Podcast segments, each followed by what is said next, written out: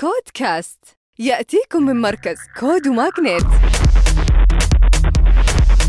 مع طارق الجاسر. وحياكم الله في نشرتنا الأسبوعية. شركة جاهز توقع مذكرة تفاهم للاستحواذ الكامل على The Chefz بتحدد قيمة الصفقة بعد عدة متطلبات وبتكون على شكل سيولة نقدية وأسهم في شركة جاهز.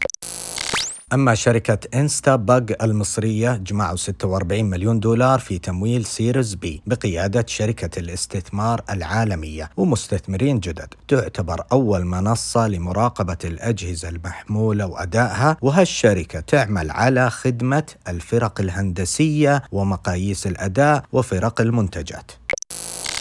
صندوق STV Capital يوقع شراكة مع ميتا أو فيسبوك سابقا لتمكين شركات الصندوق ودعم منظومة ريادة الأعمال بالسعودية والمنطقة. طبعا تهدف هذه الشراكة لبناء القدرات التقنية عبر التدريب ونقل المعرفة لرواد الأعمال والمسوقين والمطورين ودعم الشركات من خلال حوافز استراتيجية ومالية.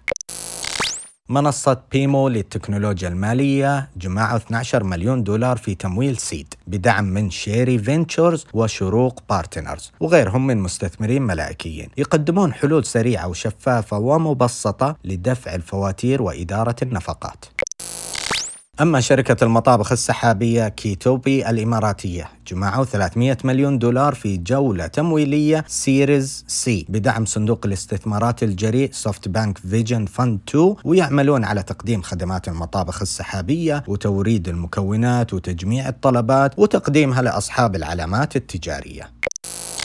منصة دوكس المصرية للتكنولوجيا الصحية يجمعون مليون ونصف دولار في جولة seed بمشاركة Elevate و Openner هذه المنصة تركز على المريض وعلى تمكينه من التحكم في سجلاته الطبية وتسعى إلى زيادة الخدمات حتى تشمل التمريض المنزلي والزيارات المنزلية وزيارة العيادات. وأخيرا شركة الرعاية الصحية CarePoint في غانا جمعوا 10 مليون دولار تمويل bridge بدعم من ألان واكسمان و TRB Advisors تسمح الشركة للمرضى بالوصول إلى العلاج الافتراضي من خلال تطبيقهم MyCareMobile يتيح لهم الوصول إلى استشارات مع أطبائهم نتائج الاختبارات الاستجابة للطوارئ على مدار 24 ساعة بواسطة المكالمات الجماعية. ختاما تذكروا أن الابتكار هو أصل الريادة. كودكاست.